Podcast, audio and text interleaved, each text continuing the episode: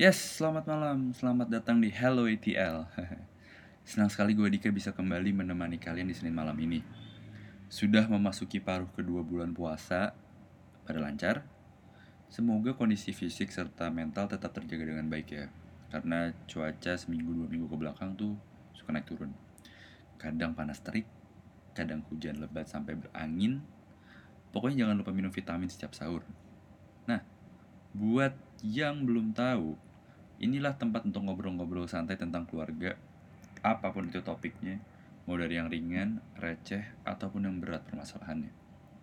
Sebagai pembuka, Kamis malam kemarin tuh kalau kalian cukup beruntung ya, uh, seharusnya melihat fenomena full moon dengan jelas dengan warna bulan yang redup agak ke kuning merahan. Ada beberapa yang mengartikan ini sebagai periode transisi dengan penuh turbulensi ketika bulan itu nampak hadir di langit. Tapi whatever the reasons, buat gue fenomena full moon itu selalu indah sih di mata gue. Terlepas dari apa pun artinya ya. Seperti yang gue bilang. Pokoknya menurut gue itu adalah salah satu fenomena yang wajib lo abadikan lah. Karena ada yang bilang bulan itu kemarin berada dalam posisi paling dekat dengan bumi. But correct me if I'm wrong ya. Kalau ada yang mendengar dan merasa, oh itu salah gitu. Ya tolong benerin aja nggak apa-apa. Gue juga bukan maha benar gitu. Nah gue akan sedikit mengulas berita yang sedang hangat dibahas di jagat media sosial. Dan tentu gue tidak akan mengungkit soal youtuber yang melakukan prank kepada transpuan sampai menjadi DPO ataupun meng, e, mengungkit isu teori konspirasi soal COVID-19 ini karena nggak akan ada habisnya. Yang pertama, kita lagi-lagi kehilangan figur seniman legendaris Indonesia. Belum kering ya air mata ini meratapi kepergian kakak Glenn Fredly.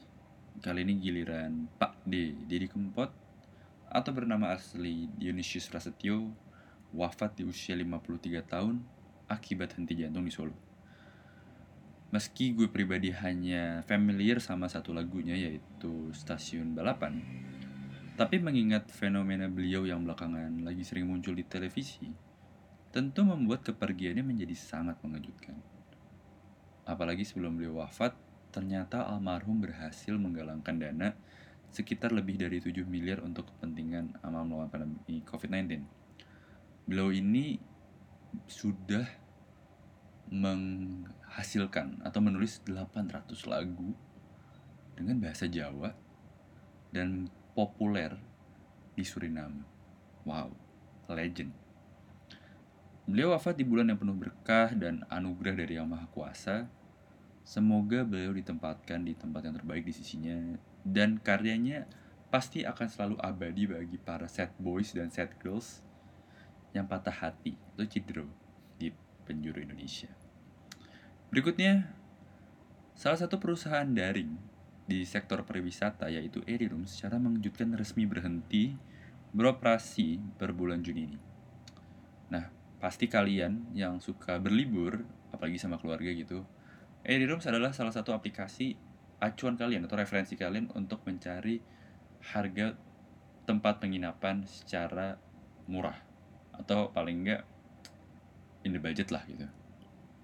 Nah, dikutip dari kompas.com, Rooms akan tutup secara permanen akibat dampak dari menurun drastisnya sektor pariwisata yang dikarenakan pandemi COVID-19. Padahal ya, CEO Airy Rooms yaitu Luis Alfonso Kodati, perusahaan sempat mencari cara untuk meningkatkan profitnya karena dampak pandemi COVID-19. Sayangnya, per April 2020 sendiri, Edirum sudah melakukan layoff kepada 70% karyawannya. Nah, soal layoff dan startup ya, ini dampaknya cukup mengerikan karena sudah ada beberapa perusahaan startup yang melakukan layoff. Bahkan sahabat gue juga terkena imbasnya. Semoga berita perusahaan bangkrut, entah mau startup atau apa tuh, ini yang terakhir lah gitu. Gue berharap banyak, nggak banyak, semua perusahaan di Indonesia tuh survive dari segala sektor mana pun yang memang terkena uh, dampaknya secara langsung. Um, berita sedih satu lagi yang gue dapatkan adalah setelah 30 tahun menjadi saksi sejarah bagi setiap warga ibu kota Jakarta ya. McDonald Sarinah resmi selesai beroperasi per tanggal 10 Mei kemarin. Well, topik ini ramai diperbincangkan di Twitter dan Instagram, tentu dengan banyak yang menyayangkan karena ini atas dasar permintaan manajemen Sarinah itu sendiri. Ada yang menganggap McD Sarinah itu cagar budaya. Ya wajar sih itu 30 tahun gitu ya. Di, di situ aja tempatnya nggak berubah. Ada juga yang bilang kalau ayahnya itu pernah bekerja di situ selama 17 tahun. Wow, itu lama loh 17 tahun. Tapi inget gak sih kalian, dulu pada akhir 2009an ya kalau nggak salah, tepatnya pas gue SMA sih, McD Sarinah itu tuh pernah berganti nama, berganti layout menjadi logo bajak laut dengan nama Tony Jack. Yang ada yang bilang ayam itu dingin. Nah, gua, tapi itu kalau nggak salah sih nggak bertahan lama, cuma 2 tahun dapat tiga tahun lah itu Tony Jack. Nah, gue yakin banyak sekali anak-anak generasi 90-an dan juga 2000-an yang tumbuh di McD ini. Apalagi kalau dengan soundtrack Mana lagi, mana selain di McD. Nah, itu ikonik banget lah. Apalagi kan ini McD pertama yang buka di Indonesia. Ada satu teman gue nge-post di Instagram story perihal McD Sarina sebagai salah satu tempat untuk beristirahat kalau selesai magang di salah satu perusahaan di sekitar sana. Nah, gue pribadi ada beberapa memori di McD Sarina.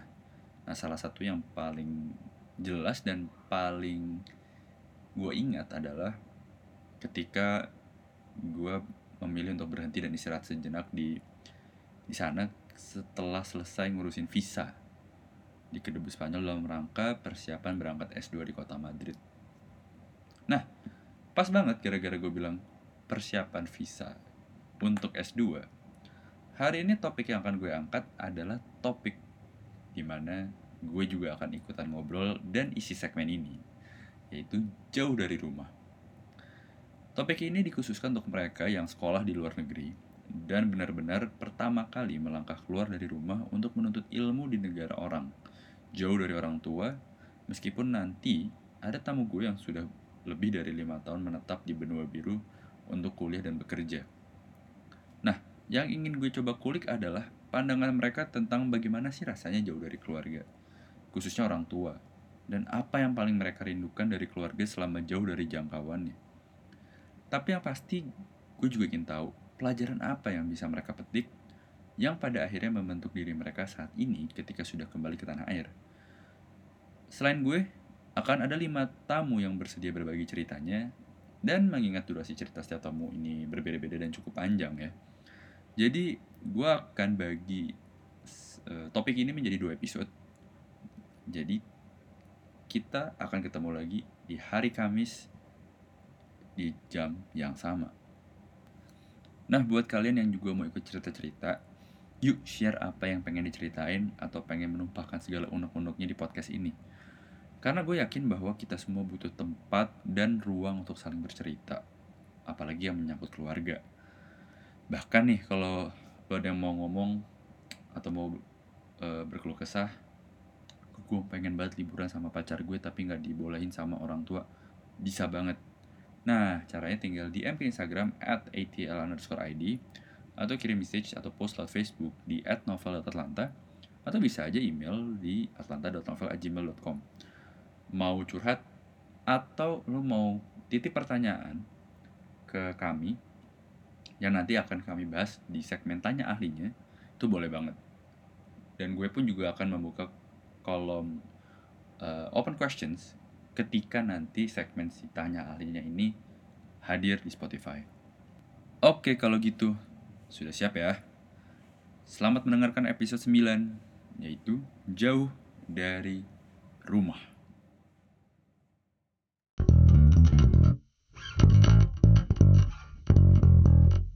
Halo semuanya, perkenalkan gue Adika. Uh, kapan lagi ya gue ngisi satu segmen untuk meramaikan topik ini. Topik menjadi anak rantau atau jauh dari rumah lah gue bilangnya. Well, sebagai permulaan, gue waktu itu ambil S2 di Escuela Universitaria Real Madrid uh, yang bekerja sama dengan Universitas Eropa di kota Madrid, ambil Sports Management. selama setahun. Kurang masih kayaknya dari dari September akhir sampai Agustus awal. Gue sharing tinggalnya sama flatmate gue.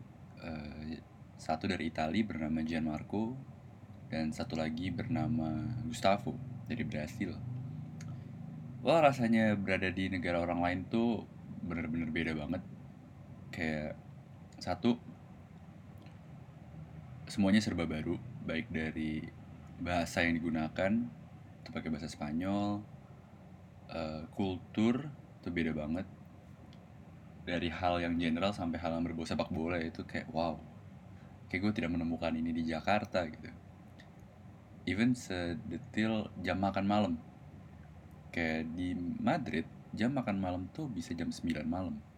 Dan habis itu ada yang namanya kayak kebar untuk minum wine bareng-bareng.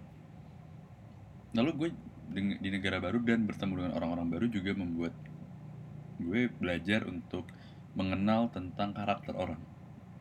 Contoh ketika sama flatmate gue gue belajar untuk bisa menahan ego bahwa uh, mereka juga punya hak untuk melakukan sesuatu gitu. Meskipun gue kadang suka risih gitu kayak karena ada yang contoh ya contoh yang Gustavo ini kayak wah ini orang kok nggak bisa diajak kerja sama? Atau sangat apa ya uh, eh, single minded gitu loh orangnya. Sementara Gianmarco lebih laid back dan gue bisa lebih nyambung kalau ngobrol banyak hal sama dia. Um, kita kerjasama untuk ngurusin uh, rumah atau apartemen sih. Minggu ini misal siapa yang bersihin minggu depan siapa minggu depan siapa. Lalu nanti tiap bulan Jan Marco akan menagih uang sewa ke gue dan ke Gustavo. Dulu sempat pertama-tama kita belanja bareng-bareng tapi lama-lama kita punya uh, apa ya keinginan sendiri untuk beli sesuatu mostly makanan. Jadi ada sendiri-sendiri. Terus dari dari kami bertiga gue yang paling muda. Gustavo itu udah umur 29 Jan Marco 32 dan gue 20 uh, 24 waktu itu. Tapi gue adalah orang yang paling nggak uh, ke mana-mana ketika mereka berdua tiba-tiba ke pub gitu jam gue inget banget jam 12 malam dia ngajak mereka ngajak gue ke pub gitu gue menolak karena gue lebih baik nonton uh, YouTube atau nonton film terus makan popcorn As simple as that. Dan ini adalah pertama kali gue jauh dari orang tua. Perbedaannya sangat-sangat signifikan. Yang biasanya gue bangun uh, bangun pagi gitu ya. Lalu disambut oleh ibu atau bapak dan lalu biasa disuruh langsung sarapan atau mandi atau apa. Ini tuh enggak gitu loh kayak bener-bener ketika gue bangun oh ya udah gue bangun gue melakukan aktivitas seperti biasa gue mandi gue siap-siap ke kampus gitu. Dan uh, aneh sih menurut gue cukup aneh gitu. Meskipun memang gue dan gue dengan orang tua gue tidak sering berbincang ya ngobrolin apa pun itu sangat jarang. Tapi tuh kehadiran mereka tuh ternyata sangat signifikan buat gue. At least hal-hal yang bawelnya lah yang membuat gue sangat merindukan hal itu. Biasanya kalau lihat kamar gue kotor sedikit ibu gue bawel. Nah waktu gue di Madrid nggak dong nggak ada yang bawelin jadi bebas. Cuman ya itu yang membuat gue sangat kehilangan lalu yang membuat semuanya menjadi beda adalah ya gue menghadapi apa pun tuh menjadi mandiri gue lebih berhemat gitu. Biasanya kan mungkin kalau gue bilang sama ibu eh dia bilang sama ibu kayak gue mau pergi nih saya mau pergi aku mau pergi gitu. Biasanya ibu kan kayak ngasih uang gitu. Ini nih uang gitu. Uang buat bensin atau apa nih siapa tahu kurang. Lah di sana kan kagak ada ya nggak bisa. Meskipun uh, bapak pasti ngirimin per bulan gitu. Tapi itu juga di limit dan gue juga menghemat biar gue punya pegangan at sampai gue pulang gitu. In case gue ke mana-mana gitu. Nah uh, selama gue berencana pergi ke S2 hingga gue sudah di Madrid, orang tua membebaskan gue untuk memilih apa pun yang gue mau. Ambil jurusan apa, mengurusi dokumen, ke kedubes, ke legalisir, cari Airbnb waktu itu, cari tiket, oh tik, ya cari tiket uh, berangkat gitu ya. itu diserahkan ke gue mereka hanya tahu beres dan mereka membacking gue dalam bentuk finansial jadi uang sekolah per bulan itu lewat beliau lewat orang tua gue lalu untuk urusan ya biaya gue kehidup biaya sewa dan kehidupan gue sehari-hari juga di cover oleh mereka jadi gue cukup bersyukur sih gue cukup survive meskipun gue juga menyadari bahwa living cost di Eropa itu cukup tinggi. Meskipun Madrid tidak setinggi di Paris atau di Roma atau di London tetap McD itu sangat mahal uh, Starbucks juga mahal. Jadi kayak gue harus hemat banget lah sebisa mungkin gue hemat gitu. Kalau ada spare spare uang dari uh, target gue gue akan jajanin di akhir bulan gitu itu sih yang uh, sejauh itulah pokoknya orang tua ikut campur. Sisanya sih itu kembali ke diri gue. Nah selama gue jauh di sana gue sangat kangen sama uh, apa ya bawelnya sih bawelnya bapak dan ibu. Itu gue kangen banget. Um, buat gue cerewetnya mereka adalah gangguan terbaik yang bisa gue terima gitu. Kayak kapan lagi sih gue dibawelin gitu baru deh gue ngerasain gitu. Uh, betapa anehnya nggak ada cerewetnya mereka yang untuk ayo mandi ayo ini itu. Nggak ada. Dan justru itu membuat gue merasa sepi ya kayak Duh aneh ya bangun-bangun nggak ada mereka gitu. Kalau yang ada uh, flatmate gue dan flatmate gue juga tidak menyuruh gue untuk mandi atau apa gitu.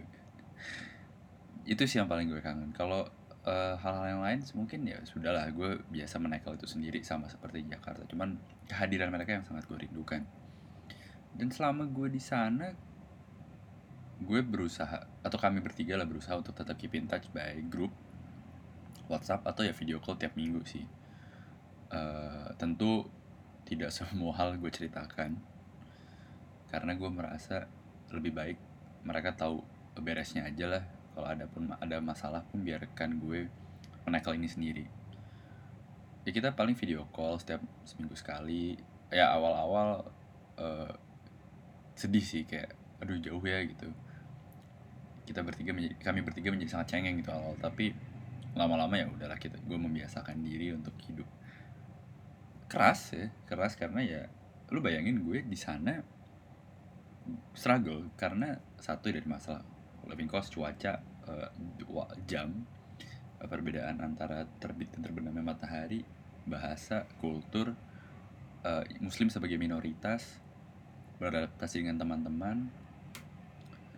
Uh, dan gue baru gue gue selama tiga bulan pertama di Madrid itu nggak ketemu orang Indonesia sama sekali.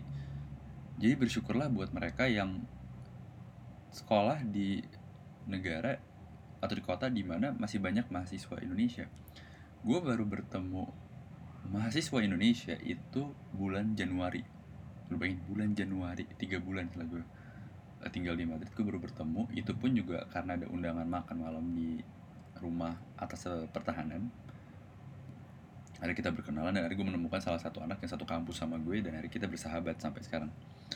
Yang akan mengisi rubrik ini juga, segmen ini sorry. Dan gue bersyukur banget saat itu jadi paling gak gue punya backup gitu. Karena gue bayangin kayak selama ini mungkin backup gue adalah orang tua. Apa pun itu meskipun gue tidak pernah berbicara secara terbuka dengan mereka gue yakin orang tua akan membackup gue ketika gue di Jakarta. Tapi ini Madrid gue harus bisa jaga diri baik-baik. Dan pelajaran apa yang bisa gue petik? Well banyak banget. Um, gue bisa menjadi lebih mandiri. Gue membuktikan bahwa gue bisa mengendalikan diri gue.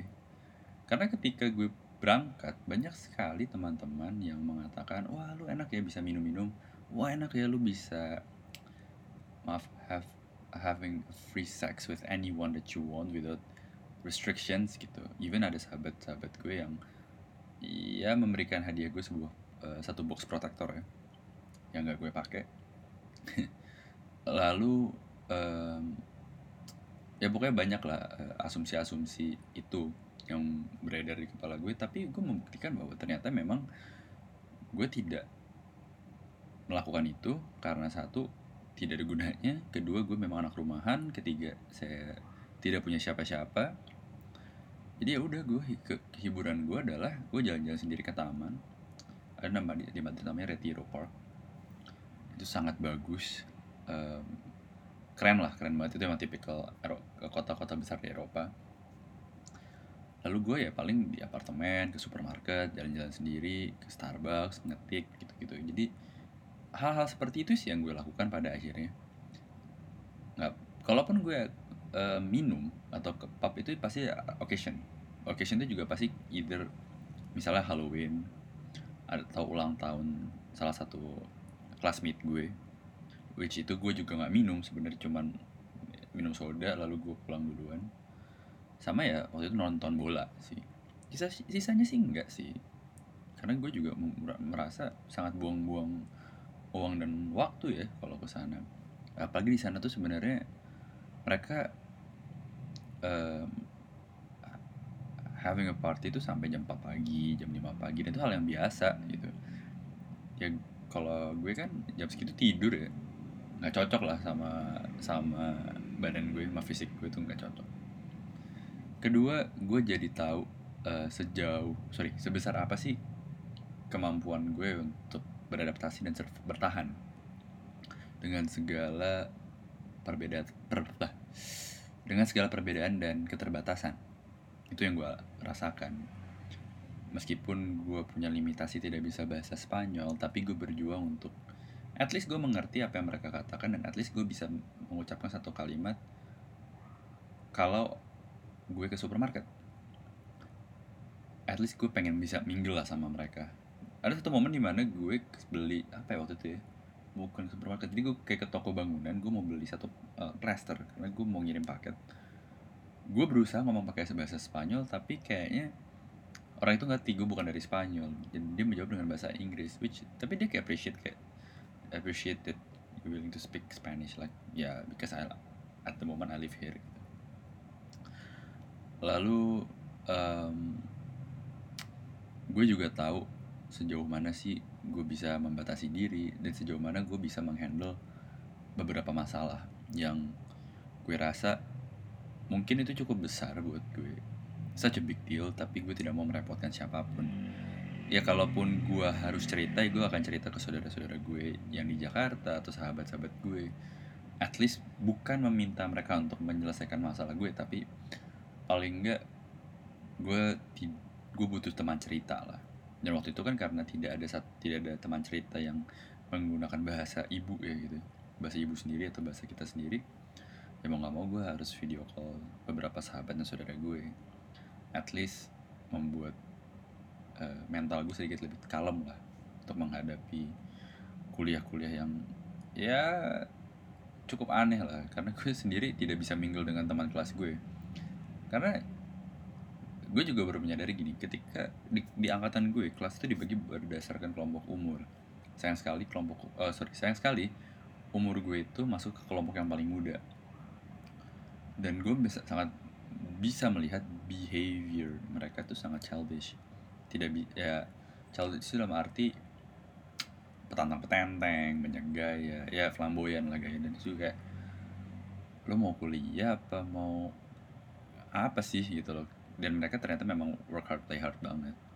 Justru gue sangat mingle sama teman-teman satu angkatan yang apa yang bisa dikatakan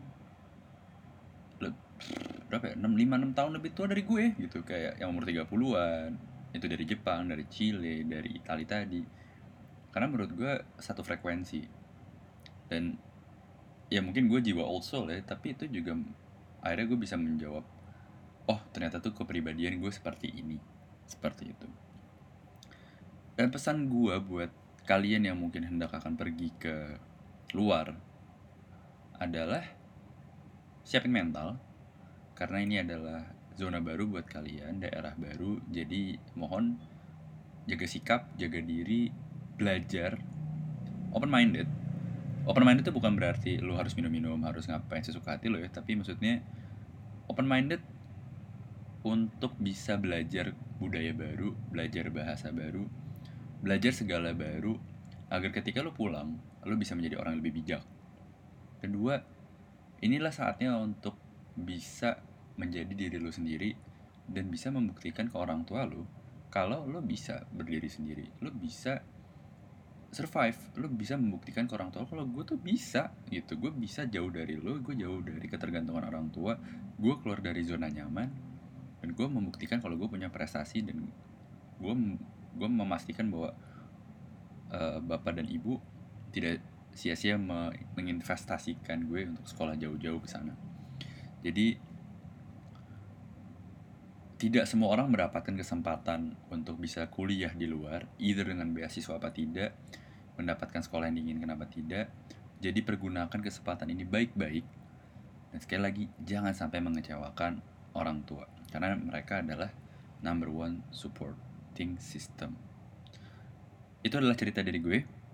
Dan jangan ke mana-mana karena setelah ini gue akan berbincang dengan dua tamu gue yang kebetulan mereka kuliah di UK dan mereka akan berbagi cerita kepada kalian. So stay tune at Hello ATL. Oke, saat ini gue sudah tersambung dengan salah satu tamu yang gue sangat mengenalnya dari zaman gue masih SD. Uh, eh, boleh kali ya langsung diperkenalkan nama dan mungkin waktu itu sekolah di mana? Oke. Okay. Halo, gue Sania. Hmm, umurnya baru mau 26 terus. Oke okay, terus. Ya terus kemarin gue belajar S2 di Inggris. Tepatnya di Lancaster. Hmm. Lancaster. It, uh, Northwest. Northwest. Yeah. deket apa tuh? Mm-hmm. deket apa tuh? Uh, Manchester. Keren. kayak satu jam um, by train ngapain tolong itu ngapain jadi itu Lancaster di mana? Mohon maaf. Uh, Northwest hmm. di atasnya Manchester gitu deh. Di atasnya Manchester. Iya, yeah, an hour by train. Oh, nggak eh, berarti jauh ya dari London ya? Orang kan taunya London kan? Jauh banget, nggak banget sih lebih kayak sekitar dua setengah jam kalau naik kereta juga. Oh, Jakarta Bandung ya? Tapi lumayan sih. Lumayan sih. Iya, maksudnya lumayan loh kalau lihat dari petanya gitu. Hmm. Itu lu tinggalnya sendiri apa sharing sama orang lain? Uh, sharing flat sih. Jadi kan gue live-nya on campus, jadi mm -hmm. ada flatmate-nya gitu. Ada flat Dan itu satu flat berenam. Mm -hmm. Tapi itu khusus untuk uh, apa yang graduate semua sih. Jadi nggak ada nggak bareng sama undergrad. Oke, dan itu sampai selesai, sampai lu pulang? Enggak sih, enggak. Uh, kira-kira berapa lama ya? 10 bulan gitu di sana. Habis itu gue pindah uh, ke flat sendiri hmm. di city center. Oke. Okay. Apa sih rasanya beda? Apa rasanya tinggal setahun ya? Lu setahun lebih ya di sana? Iya setahun setengah lah. Belum lama, lama ya? ya? Lama ya? Lama eh, kurang, kurang lebih segitulah. Lama ya? Apa rasanya? Iya. Lumayan, apa lumayan. Tinggal di negara orang lain? apa ya kalau boleh gue wakilkan dengan satu kata sih seru lah nah serunya dalam, dalam dalam hal apa nih serunya nih coba banyak sebenarnya jadi, jadi dari mulai kayak seru lo harus ngerjain banyak project terus yang deadline-nya dalam satu minggu yang sama ya serunya juga gue ketemu dengan orang-orang yang baru hmm. dan seru juga ya di, pasti adalah masa-masa sedihnya juga masa down itu seru loh seru dan lo harus ngehandle itu sendirian ya jadi kalau bisa gue hmm? uh, wakilkan dengan satu kata ya itu seru lah semuanya seru ya ya ada yang seru positif ada yang seru negatif ya intinya itu ya. intinya gitu. lu lu belajar lah ya. Karena gue juga mengalami hal yang sama sih. Iya memang. Makanya belajarnya memang dari A sampai Z sih gue rasa. Dari yang lu tidak mengenal diri lu tiba-tiba oh ternyata gue seperti ini gitu. Yes. Iya yeah, benar banget. Setuju. Dan hmm? kayak ya suka tiba-tiba bener-bener gue nggak kepikiran untuk akan terjadi hal tersebut terus tahu-tahu muncul gitu. Jadi kayak dan terus saat itu gue sendiri ibaratnya nggak ada yang gue bisa hmm, tanya. ya mungkin kan kalau gue tinggal di rumah gue bisa tanya sama orang tua ibu orang tua gue. Cuman kan hmm. ini sendiri dan gue kalau nanya gue nggak mau. Kayak takutnya mereka jadi malah worry gitu. Jadi hmm. damn gue harus ngapain nih? Gitu. Oke okay, uh, apa sih rasanya jauh dari keluarga lo dari orang tua lo selama lo tinggal di ya sana. rasanya? Karena kan yang gue tahu Hmm. kayak yang gue tahu nih yang gue tahu kan lo sempet kuliah di Bandung ya?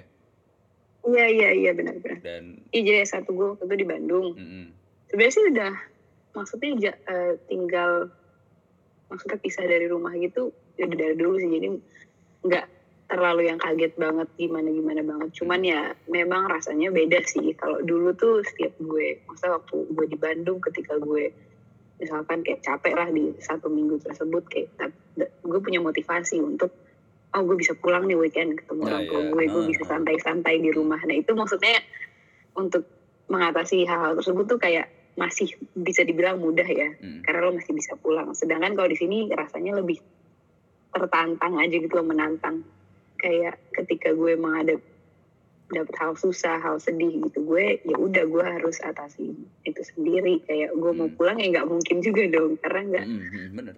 Ya gitulah. Oh, lu berarti nggak nggak pulang ya? Ya, kalau dibilang kangen ya kangen sih. Nggak gue nggak sama sekali nggak pulang. Kayak bahkan banyak sih temen-temen gue yang pas summer tuh pulang tapi gue enggak buang-buang gitu karena ya banyak lah pertimbangannya selain di Iya, iya, ongkos iya. juga banyak pertimbangan yang lain. Buang-buang duit orang pulang summer atau Lumayan. Christmas. Iya mohon maaf Lumayan. itu mohon maaf ya buat yang dengerin podcast itu sangat buang-buang duit parah Iya. jadi itu bisa Aduh, dan juga saat itu gue juga ingat banget kayak pas summer tuh gue juga harus nyiapin disertasi gue deh. Karena itu juga gue iya nggak pulang karena ya lo tau lah kalau misalkan lo merantau terus lo Mm-mm. pulang udah kayaknya kalau gue sih ya gue kayaknya akan susah untuk tetap stick sama plan gue untuk mengerjakan hal yang harus gue kerjakan. Iya sih, setuju gue. Itu bener. Eh dari lu merencanakan perjalanan nih sampai akhirnya sudah di Mhm. UK, seberapa jauh sih eh, orang tua ikut campur sama apa yang lu lakukan? Hmm, seberapa banyak ya nggak banyak deh. Mereka sih cuma bilang pokoknya titip pesan eh, cari kotanya yang maksudnya yang aman lah. Ya Mm-mm, biasa sih orang tua berpesan kayak gitu. Karena gue akan tinggal sendiri betul. dan jauh banget dari orang tua kan. Hmm. Ya se- sebenarnya itu aja sih kalau masalah tentang bagus atau enggaknya u- university-nya kayak mereka sih udah percaya lah sama gue dan juga gue udah udah Hmm. eh, maksudnya udah mengatasi itulah. Dan juga di saat gue milih kotanya ya karena gue juga harus menyesuaikan dengan diri gue gitu ya. Hmm. Karena gue sangat percaya ketika gue tinggal di kota besar gue akan susah untuk fokus. Itu gue kalau boleh jujur gue jujur sekali nih. Jadi ya udah gue memilih yang countryside gitu. Hmm. Dan emang kotanya kecil tapi sangat pelajar banget lah Dan gitu sih. Terus yang mereka ikut andil juga Ah. di saat gue yang harus pindah ke flat di city center itu sih. Meskipun mer- mereka nggak bisa lihat langsung atau gimana, mereka tetap hmm. sangat memonitor gue harus cari eh, coba kalau bisa ya kita kan nggak bisa kalau kita cari tempat tinggal di city center gitu kita kan nggak tahu ya flatmate-nya dapetnya yang kayak gimana benar-benar. Ya, cuman ya cuman dia coba berpesan pokoknya eh, hati-hati milihnya dan pertimbangkan lokasinya dengan tempat ramai dan segala macam. Biasa lah pesan-pesan seperti orang tua yang Typical parents lah pada ya. umumnya. Iya typical benar-benar. Ya paling tidak lu menjalankan instruksi orang tua lu lah ya.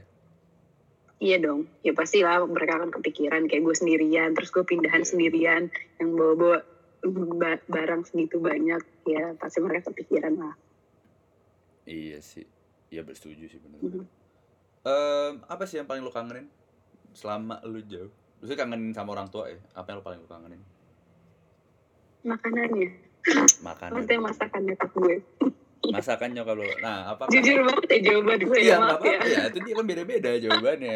Gue sih tidak merindukan masakan nyokap gue ketika gue jauh karena nyokap gue nggak bisa masak. Iya, iya karena emang nyokap gue sih rajin masak. ya. Dia emang hobinya masak. Gue juga nggak ngerti kenapa. Oke. Jadi ya itu sih yang sangat gue kangenin. Ya pernah sih, maksudnya gue juga masak beberapa masakan Indonesia beberapa kali. Hmm. Eh, terus ya memang diajarin juga sama nyokap gue. Hmm. Kadang ditelepon sambil masak gue nelfon, ini bu ini gimana ya caranya? Terus ini berapa lama ya? Terus Hmm. aku harus beli yang seperti apa ya? Kayak gitu sih. Itu seru sih, maksudnya selain dia mengajarkan gue masak juga itu salah satu quality time gue gitulah ibaratnya. Walaupun hanya cuman lewat telepon, tapi itu berarti sih bagi gue. Apa tuh Karena- masakan yang lu coba? Dari nyokap sih secara on call gitu nyoba. Lu mas nyoba masak. waktu itu waktu itu dia ngajarin gue masak opor karena waktu itu gue ingat banget lagi lebaran wow lebaran tahun 2019 Heeh. dan eh, gue kira gue akan ah bisa kok lebaran tenang gak ada opor gak ada apa-apa terus ternyata ya udah kan gue cuman biasa aja udah lagi hari-hari biasa. Gue lihat story story teman-teman gue lah kayak Iya, iya. update biasa lebaran lebaran terus mak- mereka ya story makanan makanannya dong ya. Otomatis lah gue jadi kepikiran aduh kok kayaknya enak nih. Terus gue tuh terlalu kepikirannya banget adalah ya rasa makanan nyokap gue gitu. Ya udahlah langsung besoknya gue telepon bu cara masak opor gimana ya? Aku harus beli apa? Dan saat itu juga akhirnya gue beli dan gue makan ah, maksudnya gue masak dan diajarin nyokap gue lewat telepon anda tidak ke KBRI sih. Karena jauh Iya enggak sih, iya, maksudnya iya. ya enggak sih. segitunya juga lah. Mending gue bikin sendiri daripada gue harus kayak traveling jauh-jauh. Dan cuman untuk kayak gitu doang.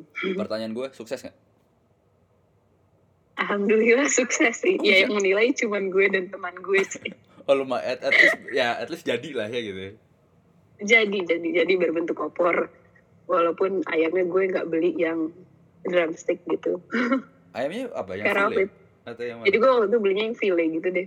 Karena Iya. nggak tahu kenapa gue waktu itu nggak pilih yang drumstick gue lupa. Susah entah nggak ada atau gue males aja.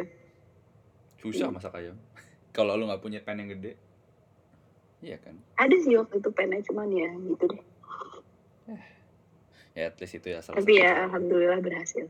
Alhamdulillah. Hebat Yay. Weh, hebat. Eh, terus terus pertama pertama ya banget loh. Apa? sedangkan waktu gue di rumah tuh nggak pernah gue yang namanya masak yang ribet-ribet kayak opor gitu. Ini di, di rumah rumah sekarang? Rumah Jakarta? Maksudnya di rumah dulu. Iya pak ya di Jakarta gue gak pernah yang masak yang ribet-ribet kayak gitu. Ya mentok-mentok ya yang simple-simple aja lah. Terus sekarang tak tahu gue langsung eh, mintanya opor gitu nyokap gue juga sempet bingung sih. Oh ya kenapa ampun kirain kamu nggak kirain kamu nggak pengen kirain kamu nggak kangen. Siapa bilang ini semua gara-gara teman-teman aku. Gak apa-apa. Tuh itu paling gak lu menambah skill lu gak sih? Skill masak lu. Iya benar-benar iya kan? Benar sih. Mhm. terus eh, apa sih eh, cara lo gimana cara lo untuk keep in touch sama orang tua selama lu jauh gitu? Apalagi perbedaan jam kan? Iya itu sih perbedaan jam yang paling susah. Hmm. karena kan kedua orang apa nyokap bokap gue itu kerja. Jadi paling biasanya kita teleponan atau video call pas mereka pulang kerja pas lagi OTW gitu di mobil. Karena kalau dia udah ny- mereka nyampe rumah Hmm. udahlah langsung capek istirahat dong. Itu sih paling. Terus sama paling pas weekend. Tuh Hmm. kan gampang lah jamnya bisa diatur. Pernah gak sih lu di, Paling gitu sih. pernah gak sih lu di- lagi enak ya? Masih tidur terus diganggu sama bokap nyokap lu telepon gitu. Pernah gak sih pernah. Dan itu ya bahkan gue gak sadar kalau mereka nelfon. Jadi ya gue lihat pas gue baru bangun. Memang gue Iya. anaknya Emang Aduh, kalau tidur suka terlalu lelap kayaknya. Iya sih gak ada yang bangunin kan? Enak banget kan? Iya. itu gue juga itu gue iya sih. pernah kayak gitu. Maaf terus ya. mereka Hah. eh, karena mereka kan nelponnya pas kayak masih jam 6 pagi gitu ya. Dan gue masih terlelap banget. Terus gue baru balas kayak beberapa jam setelahnya. Mereka bingung kok nggak bangun-bangun sih? gitu ketahuan deh Nggak, nggak, orang tua lu agak ini ya, agak sadis juga nelfonnya di sana masih jam 6 pagi ya. Di sana di Inggris kan jam 6 pagi. karena mereka expect gue mungkin sholat subuh Oh terus iya. tidur lagi gitu ya Bener, bener, bener. nggak Bener bisa juga. Gue ya waktu di Madrid ya, kalau kalau waktu itu ada satu hari di mana gue tuh pulas banget. Terus kalau nyokap gue nggak telepon, gue nggak bangun sih. Dan pas gue lihat jam itu di jam 11 siang. Oh my god. Itu itu kacau sih. Itu itu lo ngapain aja? Apakah itu hari Sabtu? Itu Sabtu, kayaknya Sabtu. Jumatnya lo habis kabut Enggak, Oh. Yang make sense. Jumatnya mungkin gue nggak bisa tidur kali. Gue gue beberapa kali suka tidur jam 2 jam 3 gitu loh. Entah itu main main FM Oh. entah main atau nonton YouTube. Cuman kayak pasti tid- tidurnya tuh kan suka lama. Dan cuacanya kan enak kan di luar. Di sana Iya, kadang- kan. bener sih ya jadi ya mohon maaf lah ya untuk orang tua orang tua. A- apa sih pelajaran yang paling lo dapatkan lah selama lo jauh dari keluarga? Apa ya? Eh, paling ya cara handle diri sendiri sih. Eh, maksud gue cara ngehandle segala sesuatu. Hmm, maksudnya segala sesuatu secara mandiri lah. Hmm. itu sih yang paling gue dapat saya ya dulu pas di Bandung juga gue mendapatkan itu sih cuman Hmm. kayaknya tuh sekarang kayak udah high level gitulah ibaratnya Hmm. paham nggak Iya paham paham paham Bu. paham paham paham, paham, paham. Tapi lu jadi mengerti gak sih eh, kayak celaan kapan lu bisa menghandle ini dan kapan lu harus ngobrol sama orang tua lu? paham sih paham tapi kayak so far pas kemarin gue di sana masih maksudnya gue sang, masih sanggup lah untuk handle itu semua sendiri jadi eh, kayaknya nggak perlu lah gue tambah tambahin pikiran yang Ya, maksudnya nggak perlu perlu banget mereka pikirkan lah Setuju, setuju, setuju. gitu sih Mhm. Wow. Belajar belajar banyak ya Bu ya di sana. alhamdulillah lumayan Alhamdulillah ya, eh, bagus. Eh, lu ada ini ini lumayan sih macam-macam ada apa ada pesan nggak buat mereka yang karena kan, kan pasti beberapa orang nggak jadi either nggak jadi berangkat karena pandemi atau masih stuck Iya di sana pandemi. gitu masih stuck di sana Mhm. ada nggak sih lu Mhm. kasih saran memasukan sama mereka yang mungkin masih masih adaptasi untuk tinggal jauh dari orang tua atau masih ngerasa homesick gitu Hmm, kalau itu gimana ya dari perspektif lu aja dari perspektif lu aja eh jujur gue nggak tahu sih ya kalau misalnya untuk homesick dan kayak dan sejenisnya kayak gitu. Gue yang jelas sih waktu gue memutuskan untuk pergi ke sini gue bener-bener udah nyiapin mental gue sih ketika Hmm. gue memang ha- eh, memang harus jauh dan eh ya nggak bisa gitu dikit-dikit pulang kayak dulu. Ya ya. Jadi setiap ada apa-apa ya gue harus tanggung sendiri. Ibaratnya itu sih yang dulu gue sangat persiapkan sebelum gue Hmm. pergi ini Hmm. ya ada lah homesick ya. Paling ya yang bisa gue lakukan saat itu cuman telepon video call udah. Ses- paling- sesimpel itu sih. Iya kan? Ya memang memang sesimpel itu. Karena gue nggak bisa melakukan apa-apa lagi. Hmm. karena gue mau pulang juga nggak mungkin. Karena kecuali yang benar-benar harus banget ya. Tapi kan nggak ada yang sampai gue harus melakukan itu. Jadi intinya ya siapin mental dan siapin plan-plan backup plan gitu kali ya ketika Hmm. ada sesuatu yang nggak lo inginkan terjadi gitu sih dan harus open minded gak sih Em, itu sih benar-benar tergantung orang ya. Kalau kalau gue sendiri sih gue jujur gue sangat sangat open terbuka dan dan cuek juga ya kalau bisa dibilang. Jadi ya terserah gitu. ya Kalau kan tapi kan ada juga orang yang mempunyai prinsipnya masing-masing yang sangat teguh gitu ya. bener Nggak apa-apa. Gitu. Menurut gue sih silahkan aja. Hmm. oke kalau gitu terima kasih untuk waktunya Sama-sama loh. gue nggak yakin nih pengalaman gue sangat berharga di oh, sana. berharga lah pasti sangat berharga oke Iya, it's okay. selanjutnya sudah ada sahabat gue di line telepon namanya Iksan dia teman SMA gue halo San Halo Dika, gimana kabar? alhamdulillah baik lu gimana kabarnya Alhamdulillah gue baik banget. Dik. Ya udah, eh, boleh kali ya, lu memperkenalkan sedikit. em, kayak lu sekolah kemarin sekolah di mana, terus di negara mana, kota mana, eh, Oh. lu tinggalnya sendiri apa sharing? Oke oke. Eh, Ya jadi eh, sebelumnya perkenalkan gue Iksan, Iksan nama panjang gue Iksan Damalik, tapi teman-teman manggil Iksan. hmm, Gue tuh kemarin sama ya sama kayak Dika lah tahun 2018 gue kuliah di luar negeri S2 melanjutkan studi S2. Kebetulan gue kuliahnya di Inggris di University of Nottingham, kotanya Nottingham, United. Kingdom. hmm. Tuh jurusannya Oh, entrepreneurship, innovation, and management. Jadi bagian Wow. dari Faculty of Business School, ya Business School, School of Business. MBA ya? Oh, iya. Wow. Lu tinggalnya nih apa eh, flat sendiri kah atau di dorm atau gimana? Nah jadi Hmm. gini, sebenarnya gue itu eh, seharusnya masuk kuliah di Inggris itu kan September ya. Cuman Hmm. eh, gue tuh ada namanya eh, ada pre preschool apa sih namanya tuh program sebelum Ya, lu masuk oh. S2 Ya ya ya. ha. karena gue backgroundnya bukan bisnis jadi gue itu harus ngambil pengantar ekonomi bisnis dan lain-lain itu selama se- dua bulan Oh. jadi gue udah di UK itu Hmm? ada bulan Juli Oh, udah Juli itu udah di sana. jadi karena gue ikut inilah pre-master lah kalau di UK namanya pre-master ya kalau nggak salah Yap. Ya gitu dua bulan nah gue tinggalnya di dorm untuk pertama kalinya pas gue Oke. nyampe UK Mhm.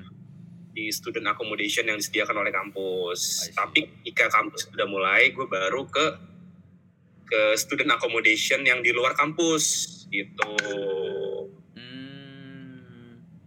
Itu eh, selam oh, selama dua bulan lu di dorm berarti nggak ada kayak apa living cost nggak ada ya? Maksudnya cost untuk sewa apartemennya setelah lu keluar dari sana kan? Setelah gue keluar dari pre-master itu, pas gue mulai kuliah yang aslinya, I gitu. see. Dan lu lu baru nyarinya pas pas sudah di sana apa memang sudah jauh-jauh hari sebelum lu berangkat sudah mencari tempat apartemen sendiri? Nah itu seru. Nah ini bagus nih. Jadi gue itu sebenarnya ini gue nggak nyari di Jakarta, gue nyarinya pas gue udah di Inggris. Jadi Oh, udah punya dorm sebelumnya, udah stay di dorm. Jadi gue nggak mikir ke depannya gimana kan, gue Iya. masih bingung. Mikir benar. gue bisa extend, nggak bisa dong. Hmm. Ya udah, gue di sana sekaligus hunting akomodasi apa nih yang bisa gue tempatin yang masih ada gitu loh di karena kan udah full book ya, udah fully book ya nggak sih? Iya iya Iya benar kan? benar benar benar. Udah fully book gitu. Akhirnya gue muter-muter, yang dekat kampus nggak ada. Akhirnya yang 2 kilo dari kampus gue nemunya di Oh, lumayan sih. iya 2 kilo dari kampus. Nah Terus lu- itu, Dua kilo dari kampus tuh naik apa lu ke kampus? oh kalau di luar negeri mah naik bus ada, ada bus. Hmm. Ya, eh, kalau di Nottingham sendiri tuh ada berbagai banyak ada berbagai transportasi umum. Ada Hmm. ada shuttle, ada bus, ada juga ini apa namanya em, yang di kota-kota apa namanya? Gue lupa deh. Kereta-kereta yang kecil yang di Oh, kota-kota tuh Tram. tram, tram, Tram ya? betul. Oh, Tram. ada. Iya. Kayak yang kayak di ini kan, kayak yang kayak di Amsterdam gitu-gitu kan? Iya, di Belanda, iya iya di Amsterdam. Oh, ada, ada tram. Banyak jadinya transportasinya. Dua kilo nggak kerasa sih. Kerasa, Iya, kerasa apa kalau jalan kaki? iya sih kerasa jalan Enggak, kaki. jalan kaki. Oh, gue waktu, waktu itu jalan kaki enggak. Kalau gue dulu jauh ke kampus udah kayak Bintaro Depok. Kalau Wah anjir jauh banget coy. Jauh. Oh, lu lu lu ya? Hah? Tinggalnya ya, tinggalnya jauh ya? Gue ketinggalan di di dekat city center, tapi kampus gue tuh kayak di Depok gitu loh. Terus gue harus naik kereta, harus naik metro dua kali ganti, se- ya 40 menit. Terus gue dari stasiun ke kampus tuh jalan kaki. Sudah bisa naik bus atau naik skuter tuh. Cuman Iya, gue iya. gue satu nggak punya aplikasinya, kedua lama nunggunya bus. Jadi gue jalan kaki aja sekalian gerak badan gue. Gue tahu kenapa, karena lu ibu kota negara di. Benar, benar sih. itu benar. Gue Nottingham itu penduduknya cuma 350 ribu deh. Heeh, 300 ribu. Gitu. Jadi itu sepi kotanya dan kotanya juga emang didesain untuk student. Oh, enak dong. Nah, jadi kotanya itu most most of them tuh Hmm? uh, the biggest populationnya ya student dari luar negeri. I see. Oh. Uh, dan kotanya itu walk distance dik. Jadi uh, lu nggak perlu inilah nggak perlu kendaraan umum, nggak perlu kendaraan pribadi pula. Hmm. manfaatin gitu keuntungannya. Banyak tuh orang Indonesia-nya. Nah, ini gue bercerita nih. Jadi ternyata gue tuh agak sedikit pesimis ya pas gue mau kuliah di UK nih, apalagi beli Nottingham. Nah, terus? Karena gue mikir ah paling Indonya juga gue atau paling dikit lah gitu nggak banyak. Hmm. Paling mikirnya paling banyak kalau nggak di Manchester ya dik ya, kalau nggak di London ya kan? Iya, iya. Benar. Iya nggak sih? Benar. Gue akhirnya mikir kalau uh, dan pas gue nyampe sana, Hmm. surprisingly tuh kayak wow Indonesia-nya tuh banyak gitu. Ternyata 80 orang sa- 2018. Oh iya, di satu universitas. Enggak, ada dua uni, pokoknya total Indonya 80 orang. Itu S2 semua. Enggak, campur. S1, Oh. S2, S3. Oh, lumayan. Kalau S2-nya itu di University of Nottingham tuh ada sekitar 20-an. Hmm. 20 lumayan banyak kan? Banyak, banyak. Ya, 20 orang. Sejurusan. Gitu. Oh, lumayan, ketolong lu. Gue seneng banget ya. Enak. Nah, apa sih rasanya jauh dari rumah dari keluarga lo. Ini ber- pertama kalinya lo ini kan jauh dari orang tua kan? Iya iya bener. Jadi eh wah itu per- menurut gue sih pertanyaannya bagus ya karena gue Hmm. pertama kali ke Inggris tuh waktu gue datang bulan Juli itu gue dandan orang tua gue dua-duanya. Oke. Oke, nah jadi gue takut gue ngurus apa pun tuh nggak bisa gitu loh kayak ngurus visa, ngurus student accommodation. Hmm. Karena ini pertama kalinya gue keluar dari dari Indonesia dan gue tinggal sendiri ngekos gitu loh. Ya, Karena gue selama gue hidup 23 tahun gue nggak pernah tinggal sendirian gitu. ya oke. dan akhirnya gue berani tinggal sendiri karena gue ya itulah terbiasa pada akhirnya ya udah Hmm. gue akhirnya bisa tinggal sendiri Hmm. gitu iya iya Tapi kayak Ya. lo lo selama ya ke- eh, orang tua lo ada di nemenin lo di Nottingham berapa lama?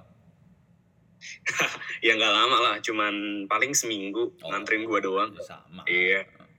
seminggu aja iya iya mereka juga nggak mungkin lama-lama lah mau ngapain Iya. juga ya kan Siapa tuh jalan-jalan yang gue gak tahu ya. Tapi awal-awalnya lo ngerasain ini gak sih homesick gitu?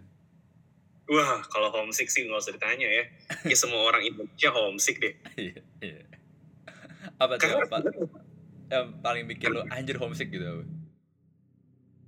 eh, karena kesepian sih sebenarnya lebih ke kesepiannya Ah, Iya, jadi gue gue akui emang gue gue banyak orang Indonesia di Nottingham, tapi hmm. ya kadang kalau lu lagi sedih bete gitu, lu nggak bisa ngomong langsung ke orang gitu loh, karena Iya, mereka iya. juga punya bukan keluarga dekat lu, bukan siapa-siapa gitu kan. Iya, setuju setuju. Ah. Ya, iya, jadi gue mau nggak mau gue kesepian, gue telepon terus orang tua gue di rumah.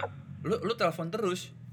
Gue telepon, gue kadang-kadang kalau misalnya gue lagi kesepian, gue kadang suka telepon terus. Tiap hari ada tuh. Wah, kayaknya sih nggak nggak tiap hari juga, Oh. paling dua kali, dua hari sekali. Oh, lumayan sih, intens juga. Tapi itu awal-awal ya, Oh, intens iya. juga awal. Heeh. Pas gue lagi happy ya gue nggak telepon mereka. Pas Iya. gue lagi kayak susah banget nih ujian gitu loh. Oh. Iya. lu lu emang memang tipikal yang apa-apa ngomong sama orang tua lu sih ya? Iya, gue tipikal yang apa-apa ngomong sama orang tua. Oh, pantesan ya. Iya, ngerti sih. Gue ngerti rasanya lu harus mencari mereka ketika lo mumet kali ya. Yes, pas gue lagi stuck, gue gue pusing ya gue curhat aja. Aduh susah banget nih, gue takut banget nggak lulus gitu kan. Tapi kalau lu ukur ya, seberapa seberapa jauh sih orang tua lo eh, ikut campur tangan dalam urusan lu per- persiapan lu S2 sampai lu sudah di sana? Jadi eh, sebenarnya yang mau S2, yang kalau siapa yang memutuskan untuk S2 tuh gue sendiri. Itu Oke. semua keputusan gue sendiri. Kampus di mana, Hmm. lalu eh, jurusan apa, Hmm. lalu eh, apa ya misalnya lagi ya iya tinggal di mana itu semua gue yang mutusin kapan gue mau masuk kuliah S2 tuh gue yang mutusin orang tua paling ngebantu gue itu kayak advice-nya paling kayak ya lebih ke teknisnya lah kayak eh, kehidupan di sananya beli ini itu Hmm. siapin ini itu keperluan-keperluan sehari-harinya yang mendukung gue uang jajan ya itu mereka support gitu Oh, loh see. kalau tek akademisnya gue Hmm. yeah. Lu lu beasiswa apa ini? BOT? gue gue gue bias gue beasiswa ADB Apa tuh? Ayah dan bunda Iya. Baru tahu gue istilah ADB. Iya. Boleh boleh boleh. Sama dong. Iya. Sama gitu Sama, Pak. Kita ya. kan ya yang penting inilah S2 aja lah gitu Iya, lah ya. bener. Yang penting pulang-pulang dapat gelar master. Kelar lah. La- Mas inilah mas orang tua masih mampu lah. Alhamdulillah. Alhamdulillah, iya bener alhamdulillahnya. Alhamdulillah orang tua masih mampu. Iya. Syukurilah gitu. Iya, Iya. cuma syukuri banget sih. Aduh kacau kacau. Syukur. Eh, apa sih San rasanya jauh dari orang tua dan ada nggak sih perbedaan paling signifikan ketika di luar mungkin tadi lu, di luar lu kesepian ya itu kan kayak hal yang sangat common ya kesepian tapi ada lagi nggak sih yang paling signifikan selama lu jauh dari orang tua Hmm, jujur karena jurusan gue bisnis ya. Yep. Gue orang tua gue kan finance ya. Jadi dia tuh ngerti banget gitu loh. Misalnya kayak pelajarannya. oke terus Nah, gue tuh kehilangan kayak temen diskusi gue secara langsung gitu loh. hmm. gue ah bokap gue itu gue ngandelin dia banget nih kalau mata kuliah tentang finance accounting gitu gue ngandelin dia banget tapi saat gue kuliah nggak ada dia di Inggris kan kelabakan lo gue kelabakan gue nggak bisa ya gue nggak bisa discuss gue nggak bisa cari insight dari dia Hmm. nah karena telepon bisa gue akui telepon bisa Hmm. cuman kan beda waktu dik iya kan Betul, betul. Dia jam berapa gue jam berapa. Jadi nggak match gitu waktunya. Nah itu kadang-kadang gue kendala gue itu banget sih. Beda banget sih jadinya. Gue Hmm. jadi kayak susah lah gitu. Ininya. Tapi kalau misalnya Hmm. kehilangan apa apa sih gue nggak nggak nggak begitu signifikan ya. Maksudnya kayak ya oke oke aja sih gue bisa hidup sendiri santai. Maksudnya kayak nggak perlu ada mereka. Bukan bukan nggak perlu sih. Maksudnya ya gue di rumah juga kadang-kadang mereka di mana di mana gue juga ya udah gitu sama aja sih Sebenarnya sama aja, kalau ya, interaksi. Berarti sama aja iya cuman lu susah untuk ya lu susah untuk reach out doang kan sebenarnya. iya harus hal doang gue susah mereka gitu aja sih. So apa sih yang paling lo kangenin dari orang tua lo ketika lo jauh? eh apa ya Eh, di zaman sekarang sih kayaknya lu kangen ya lu bisa telepon lo kalau lagi curhat lo mau curhat juga lu bisa telepon bisa video call Tapi lu nggak, maksudnya nggak ada Hmm. spesifik yang lu rindukan gitu kayak anjir selama ini gue kangen kangen nih momen ini atau momen apa kayak kemarin uh, kayak kemarin nih gue telepon sama Sania Sania bilang dia kangen masakan ibunya gitu sesimpel itulah Oh, lu ada nggak kayak gitu? oh. gue jujur orang tua gue pernah masak pertama Ya kedua udah. paling gue kangen jalan-jalan sama mereka sih ke, ke bioskop XX1 ke PIM gitu loh oh that quality time ya yang lu quality time rindukan sama mereka guys gue gue gue selama di sana ya lo tau sendiri lah kan tiap weekend gue jalan sama mereka gitu kan. Kayak Betul. ke PIM nonton bareng makan bareng. Yap yap. Hmm. Eh, gue di sana gue weekend kesepian nih gue weekend di sana kayak ya lu lonely banget men kayak weekend weekend gitu sabtu gitu. Kayak nggak ada apa-apa yang nggak ada vibesnya gitu. Kayak Iya. lu di kamar aja main laptop main hp iya gue gue gue sangat mengerti itu sih iya kan? Iya iya. Anjir, bener-bener kayak lu Gua- ya jadi kayak- gitu. Gue kehilangan itu sih gue momen paling kehilangan itu sih. Tapi kan lu paling gak ketolong sama anak-anak Indonesia yang lain gak sih? yes. Betul banget ketolong banget. Kayak, maka dari itu gue nggak begitu banget kehilangan sosok orang tua pas gue di Nottingham karena banyak banget anak-anak yang Indonesia orang tua juga yang S3 hmm, jadi kayak terwakili lah terwakili ini gue Oh, apa ya jadi lu menem- rumah selama lu di Nottingham ada S apa ada ada yang S3 dan dia bapak-bapak gitu. Iya betul, Dik. Jadi di Nottingham itu ada anak S3 juga, di Hmm. mana dia bapak-bapak punya anak juga. Hmm. Dan gue kadang-kadang dekat sama dia, main sama dia, Oh. main bola bareng dia, nonton bareng dia, bahkan ke bar aja, dugem aja sama dia. Oh, sampai dugem ya. Nah, itu gue mbak, Hmm. kocak emang. Oh, berarti ada paling Jadi- figur yang dituakan tuh ada ada yang menggantikan lah ya secara temporary gitu. Alhamdulillah ada di di Nottingham, Hmm. surprisingly ada gitu kayak wow. Iya, Wow. Terus dan itu buat gue jadi abadi. Kenapa? terus ketika ketika lo lebaran gitu, gimana lo berinteraksi dengan orang tua lo? Nah, lebaran ya selayaknya orang yang tinggal di luar negeri aja, paling ya video call, lu telepon dia, Heeh. gimana gimana ya kan. Cuman kan masalahnya beda waktu. Kalau nggak salah dulu waktu kita lebaran 2019 itu sehari lebih cepat daripada di Indonesia kalau nggak salah ya. Gue kalau Eh, kalau gue nggak salah ya. Eh, iya. Iya, iya. Eh, iya, iya. Iya benar benar benar. Benar benar. Benar, Iya kan? benar. Iya, iya, gu- iya, sehari lebih cepat ya. Kita lebih duluan kan Iya, kita lebih lebaran duluan. daripada di Indonesia. Iya, benar. Nah, ya udah. Jadi gue sehari sebelum mereka lebaran gue udah udah bilang, "Oi, gue udah lebaran nih." gitu. "Oi, aku udah lebaran di sini, udah ini udah makan ketupat gitu, udah makan rendang Iya. gitu kan. Ya, kangen juga sih nggak makan di rumah gitu. Lo lo merasakan kan lebaran tidak seperti lebaran di sana?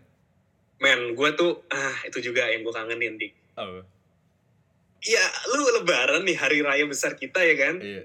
Tuh kayak flat aja gitu, kayak hari biasa aja. iya, iya, sumpah parah gue juga kayak gitu kayak udah gue sholat gue kebetulan kan sholatnya ke KBRI ya sholat udah kelar udah nggak gue nggak nggak nggak abis itu gue ke kampus malah Nah itu gue juga, gue jelas itu. juga, gue habis sholat Eh, siang gue langsung ke kampus ngerjain tesis lagi, iya ngerjain disertasi, bayangin. kacau Dan gue ngalamin dua kali loh, gue Idul Fitri sama Idul Adha gue di UK loh gue oh i- oh i eh Oh iya, gue Idul Adha masih di sini. Lu kan baliknya Juli kan? Kalau gue Iya. baliknya Oktober nih. Iya iya, gue Idul Adha gue masih di sini. Nah, gue Idul Adha di sana. Dan ya ya udah jadi gue kayak biasa aja pagi sholat naik sendiri ke naik bus gitu kan Hmm. bos jadah gitu kan di pundak ditaruh orang-orang pada ngeliatin juga nih orang bawa gitu Lu gak dikira teroris kan? gua enggak kan gua pakai jeans gua Oh. gua, gua nggak pakai baju muslim gua pakai baju biasa kayak ke party gitu kan Oh iya. kayak ke kampus Eh, apa sih San pelajaran yang lu dapatkan selama lu jauh dari keluarga? uh banyak pertama Hmm. gua tuh belajar jadi independen sih dan menjadi Hmm. mandiri Oke. itu ternyata ilmu yang paling penting dari segala ilmu menurut gua Hmm. karena eh, karena ya lu didik untuk tidak manja gitu loh nggak mengeluh gitu. Karena lu hidup sendiri. Lu ngapa-ngapain sendiri. Nggak bisa nggak ada orang yang nolongin gitu kan. Bener-bener. even orang Indo pun mereka punya kesibukan sendiri-sendiri dan lu nggak bisa ngandelin mereka Iya.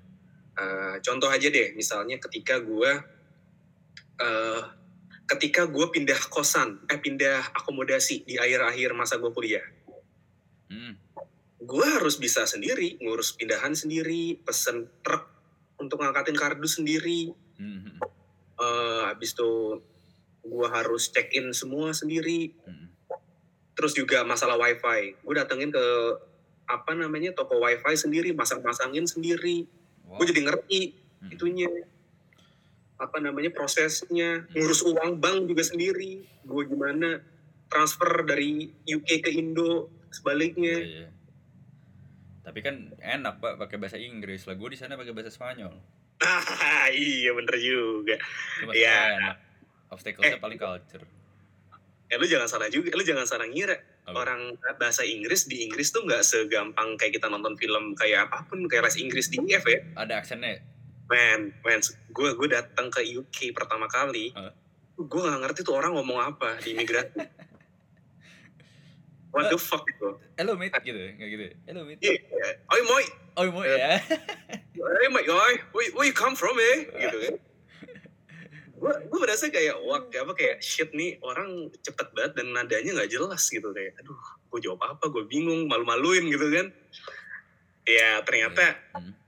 beda aksennya gitu jadi tiap daerah beda aksennya Pasti. iya. Lo kayak gitu aja kelimpungan gimana lo ketemu orang Glasgow?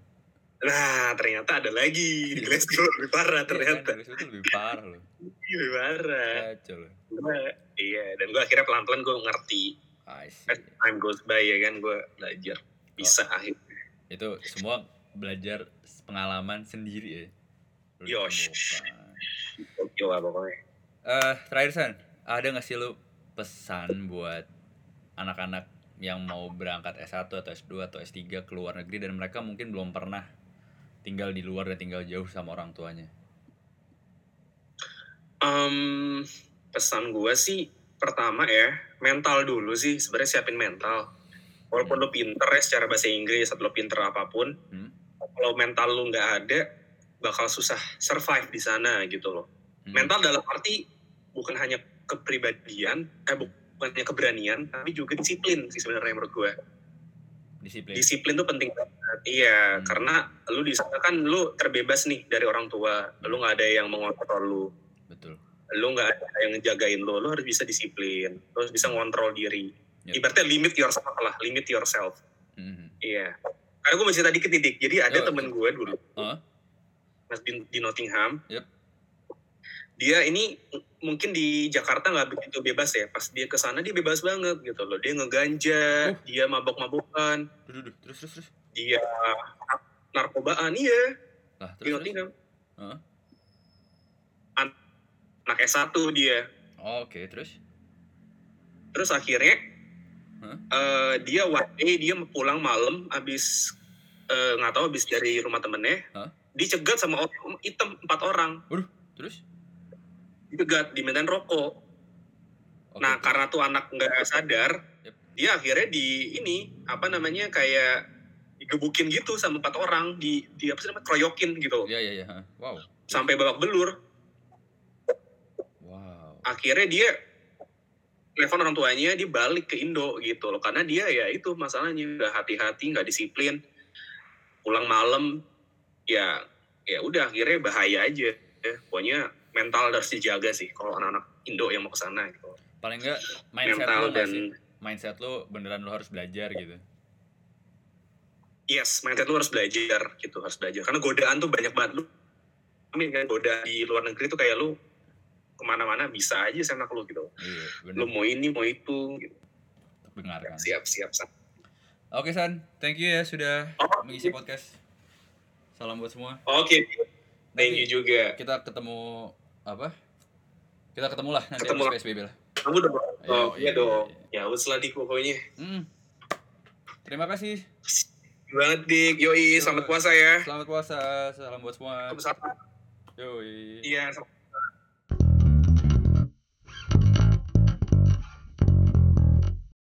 Wah itulah tadi dua tamu pertama plus gue sendiri yang sudah berbagi cerita tentang rasanya menjadi anak rantau. Kalau gue rangkum, jauh dari orang tua memang mendewasakan diri, membuat kita menjadi mandiri, karena kita semakin mengenal siapa diri kita dan sejauh mana sih kemampuan kita bisa menghadapi segala masalah atau problem yang melanda tanpa harus kita ceritakan semuanya dengan orang tua agar mereka tidak khawatir. Dan dari kami bertiga punya kisahnya sendiri-sendiri salah satunya gue yang ternyata eh, rindu dengan kehadiran atau kebawelan ibu Sania merindukan masakan ibu lalu Iksan merindukan quality time bersama keluarganya Well, masih ada tiga tamu lagi yang bersedia untuk cerita tentang suka dukanya hidup di luar negeri untuk menuntut ilmu. Pastikan untuk set alarm episode selanjutnya akan tayang Kamis besok pukul 7 malam hanya di Spotify dan Apple Podcast. Nah, buat kalian nih yang belum mendengarkan episode-episode eh, dari Hello ATL dari 1 sampai 8, yuk jangan lupa dengerin karena banyak sekali cerita-cerita menarik seperti curhatan seseorang, belajar bersama psikolog, ada juga cerita-cerita lucu yang berkaitan dengan keluarga. Karena di sinilah kalian bisa mendengarkan segala isi cerita tentang keluarga, baik dari sisi yang positif maupun yang bermasalah. Sekali lagi terima kasih sudah mendengarkan episode ini. Sampai jumpa Kamis besok. Selamat istirahat. Yang puasa jangan lupa sahur. Selamat malam.